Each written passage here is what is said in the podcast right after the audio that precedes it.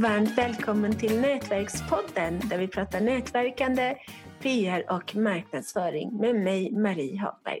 Och idag så har vi som vanligt en fin gäst, nämligen Thomas Ek från före detta OBH Nordica som är ganska välkänd.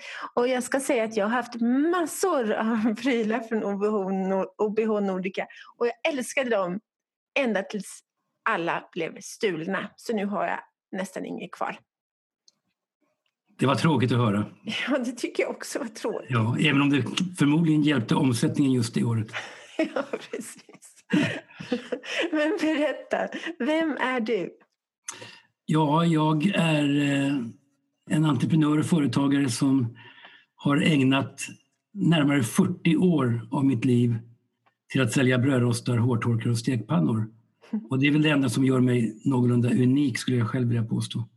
Men min bror och jag hamnade i det här importföretaget som anställda i tidig ålder. Redan på 70-talet faktiskt.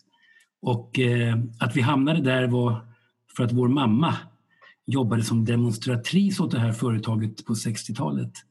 Och genom hennes kontakter då så blev vi anställda på företaget och kunde redan 1986 ta över ägandet av den här importfirman som då hette Joffe Marketing AB. Är det sen, blev det sen OBH Nordica?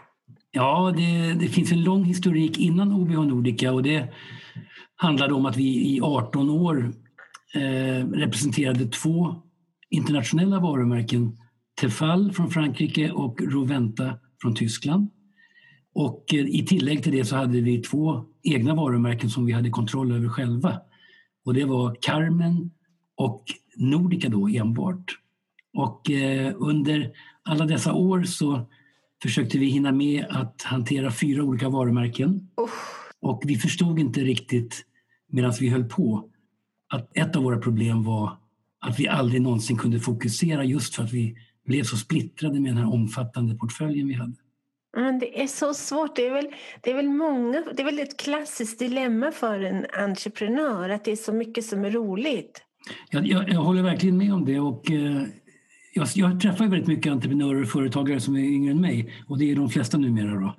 Men eh, jag stöter ofta på just det här att man, man ser bara möjligheter och jag vet att man, vi själva tänkte väldigt mycket sådär vi som ändå har alla funktioner, vi som ändå har både säljkår och order och faktureringsavdelning och stort lager. Vi kan ju addera och vi kan lägga till. Och varför ska vi inte börja sälja sportartiklar? Och, och det där är så klassiskt. Och eh, det är som ett märkligt fenomen att många entreprenörer inte då tänker på att man oftast tappar i andra änden när man lägger till och lägger till. Och därför brukar jag när jag är ute och föreläser ofta ta upp det här och rekommendera just att man ska kritiskt analysera sin verksamhet och sen ska man framförallt försöka hitta de här sakerna som man borde ta bort eller sluta med. För det är genom att välja bort någonting som man frigör energi, tid och resurser till att göra det som är viktigast. Det är ju liksom en omskrivning av fokusering. Men ibland måste man tvinga sig själv att även ta bort och det är man inte alltid så bra på som företagare. Nej, det är... Ja, fy. Usch. Nej. nej, nu vill jag byta ämne. Eller hur? Känner du igen det? ja, allt för väl. Allt för mm. väl. Usch, plågsamt. Ja, jag kan ju bara säga att efter de här åren när vi jobbade med fyra varumärken så ledde det fram till att eh, vår, vår, franska och tyska eh, uppdragsgivare då, Tefal och Roventa som för övrigt tillhörde samma koncern. Eh, de ville starta upp ett nytt bolag där min bror och jag skulle äga hälften och de skulle äga andra halvan. Och anledningen till att de ville starta det här nya bolaget det var att de givetvis retade sig på att vi och vår personal la ner så mycket tid på Carmen och Nordica. Eh, och de ville ha en personal som var dedikerad bara till deras varumärken. Men när vi fick det erbjudandet eh, så funderade vi tre dagar och sen tackade vi nej. Och, och då kan man säga att eh, när allt har gått bra då är det så lätt att slå sig för bröstet och säga att man var strategisk och vi gjorde rätt och sådär. Men det var ju oerhört läskiga känslor som passerade genom kroppen när, när vi tog bort halva årsomsättningen över en natt. Och samtidigt bestämde oss för att bli ett nordiskt bolag genom att samgå med OBH från Danmark och bli OBH Nordica. Ett vansinnigt varumärke, en ful logotyp med, med extremt dåliga förutsättningar egentligen. Det här var, beslutet togs 2002 och den första produkten levererades 2003 i Sverige. Och när kom ni igång med chili-serien då? Ja, den är det många som känner igen. Och, eh, den föddes faktiskt av att min bror och jag på en hushållsmässa i Frankfurt såg en jakttermos, en sån där liten halvliters termos i den här röda chilifärgen och vi tyckte att den var så häftig. Så att vi började direkt diskutera vad skulle hända om man gjorde hushållsprodukter i den här färgen. Och då ska man veta att både vi och våra konkurrenter på den, vid den tidpunkten, 2005, eh, vi jobbade med svart, vitt och rostfritt vilket gjorde att det såg väldigt, väldigt sterilt och tråkigt ut eh, ute på avdelningarna och så småningom i hemmen också. Och eh, då, då provade vi genom att beställa eh, prover från fem olika fabriker, fem olika produkter för att se hur de såg ut. Och när vi hade gjort det så beställde vi en liten provkollektion och testsålde den eh, och märkte direkt ut i butik att vi fick väldigt mycket uppmärksamhet. Det, det blev lite grann det här, ska vi våga vara lite järva och välja en chiliröd eller ska vi vara lite safe och tråkiga och ta en vit eller svart? Ah, det var bra val ni gjorde. Ja, och där, när, vi, när vi märkte att det fungerade och att vi fick den här uppmärksamheten då var vi väldigt snabba med att bredda sortimentet och utbudet av chilifärgade produkter. Men i ärlighetens namn, jag trodde kanske att den här färgen skulle fungera i ett och ett halvt, två år. Och nu har de faktiskt inne på trettonde året och eh, jag vet att det bara i Sverige har sålts över fem miljoner chilifärgade OBH Nordka-produkter sedan starten. Åh, häftigt! Mm, det är fantastiskt. Och det, många ställer frågan till mig, hur kom ni fram till att göra den här designserien? Och då är det så skönt för mig att avdramatisera det där och säga, det är ingen designserie, det är en färg. för, det, för det var verkligen sanningen. Vi hade olika fabriker med olika formspråk. Men ibland så kan ju faktiskt både livet och företagandet inte behöva vara svårare än så. Ja, vilken succé! Ja, det var jätte, jättekul. Och den är som still going strong och nu säljs till och med hårvårdsprodukter i chilirött från OBH Nordica vet jag. det fick, en, det fick en, en lång livslängd, mycket längre än jag trodde. Gud så roligt. Det blev ju en succé, riktig, riktig supersuccé. Så vilka är dina bästa marknadsföringstips till andra som också vill bli bättre på marknadsföring? Ja, när det gäller marknadsföring, jag var ju ytterst ansvarig för försäljning och eh, marknadsföring medan min bror eh, ansvarade för produktutveckling och framtagning av produkter. Det här var en uppdelning vi gjorde precis innan lanseringen av OBH Nordica. Eh, innan dess hade vi faktiskt jobbat lite grann som Piff och Puff och sprungit på de bollar som eh, var nödvändiga att ta. Liksom. Kan du åka till Kina? Jag hinner inte och sådär.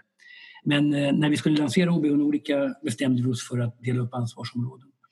Och det är klart att det vi gjorde och det som gjorde stort avtryck och som påskyndade hela vår framgång, det var ju en massiv tv-reklam.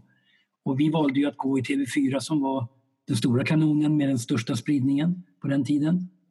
Eh, och vi gjorde det mycket för att vi ville att även butiker i mindre orter skulle känna av vår reklammarknadsföring. Idag fungerar ju fortfarande tv-reklam men inte alls på samma sätt som när vi körde igång 2003. Och, och man kan väl lite grann säga att vi konsumenter har blivit lite uttröttade och utmattade av, av tv-reklamen. Eh, när vi lanserade så var det lite mer fräscht, lite mer nytt fortfarande och det fick ett enormt genomslag. Så jag tror om du frågar mig vad som kommer att gälla i framtiden så tror jag att man måste växla om och jag tror att man måste inse att varumärken och företag i stort de måste sluta jaga kunder som vi gjorde och lite mer skapa fans. Eh, och i det uttrycket så menar jag att man måste göra både samhällsnytta och saker som är bra för oss människor för att bli vald och för att bli ett varumärke som uppskattas. Eh, jag tycker till exempel att det är något klassiskt bra exempel i nutid är ju när Adidas till exempel gör en serie skor i samarbete med Parley Ocean som ska rensa världshaven från plaster. Och så gör man då sneakers-skor gjorda av returplast från haven. Eh, det är för mig det ultimata nya sättet att skapa fans som varumärke. Eller när Läkerol skapar en plattform eh, på internet där man kan då kopplas ihop som ensamkommande eller flykting i stort med en svensk samtalspartner så att man kan lära sig språket på en tredjedel av tiden. Om man då som Läkerol har en payoff som heter Make people talk, tror jag de säger, mm. då har man verkligen förstått hur man ska göra skillnad och hur man kan koppla samhällsnytta med sitt varumärke. Jag tycker det är ett lysande exempel på den nya tidens marknadsföring. Verkligen, det är smart PR-knep också. Att göra ja, så. samtidigt måste man göra samhällsnytta och även CSR-arbete då eh, med hjärtat och inte göra det just för att bli poppis. Man måste liksom göra det av en riktig anledning menar jag, för då blir ja. det trovärdigt och då fungerar det hela vägen ut. Ja, absolut. Men en liten företagare då, vad kan den göra för att göra samhällsnytta och Ja, alltså jag, jag vill inte eh, säga att det finns några begränsningar. Jag vet, vi jobbade ju väldigt mycket med CSR då, Corporate Social Responsibility, eh, där vi redan 1987 slutade köpa meningslösa julklappar till redan bortskämda inköpare och istället skaffade fadderbarn i Filippinerna. Eh, och som vi sedan utvecklade när företaget blev större. Och vi hade väl 35 fadderbarn som vi hjälpte att gå i skolan och få ett mål mat varje dag och vi kunde också åka dit och se att det verkligen fungerade och engagera oss i deras boenden och förbättra deras levnadsvillkor. Det är ju ett sätt man kan göra som en liten butik också, skaffa ett fadderbarn, sätta upp en trevlig tavla och bild på det här eh, barnet i sin butik. Eh, jag tycker också att man lokalt kan engagera sig till exempel i idrott och hälsa. Man kan stötta det lokala handbollslaget eller vad det nu är frågan om beroende på vilken ort man är. Eh, det är också ett sätt eh, att göra samhällsnytta, till exempel att bidra till att ungdomar kommer in i idrott istället för massa annat elände. Jag tycker det är jättebra. Östersund är ju eh, en fotbollsförening som har haft stora framgångar, inte minst under 2017. Och jag vet att de tillsammans med sina sponsorer lokalt i Östersund har bestämt sig för att ge bort 200 säsongsbiljetter till ungdomar i 13-14 års ålder. Men när de gör det så får de här barnen också skriva på ett avtal där de förbinder sig att inte använda tobak, alkohol eller narkotika förrän de är myndiga. Eh, och då har man också förstått hur man kan bidra till samhället och hur man kan göra nytta. Superbra tips. Mm. Stort tack Thomas för att, att du var med och ville bidra. Ja, det gick fort det här, det de här fort. minuterna.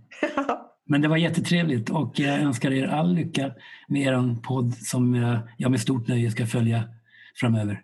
Tack själv Thomas. Ha det gott. Samma. Hej. Hej. Det här avsnittet presenterades av webbtjänsten Hjälp en journalist. Den är till för företagare som lättare vill få värdefull publicitet i radio, tv och tidningar samt journalister som lättare vill hitta intervjupersoner till sina artiklar, radio och tv-program. För mer information gå in på www.hjälpenjournalist.nu www.hjälpenjournalist.nu Förstås utan prickar på ät. Varmt välkommen!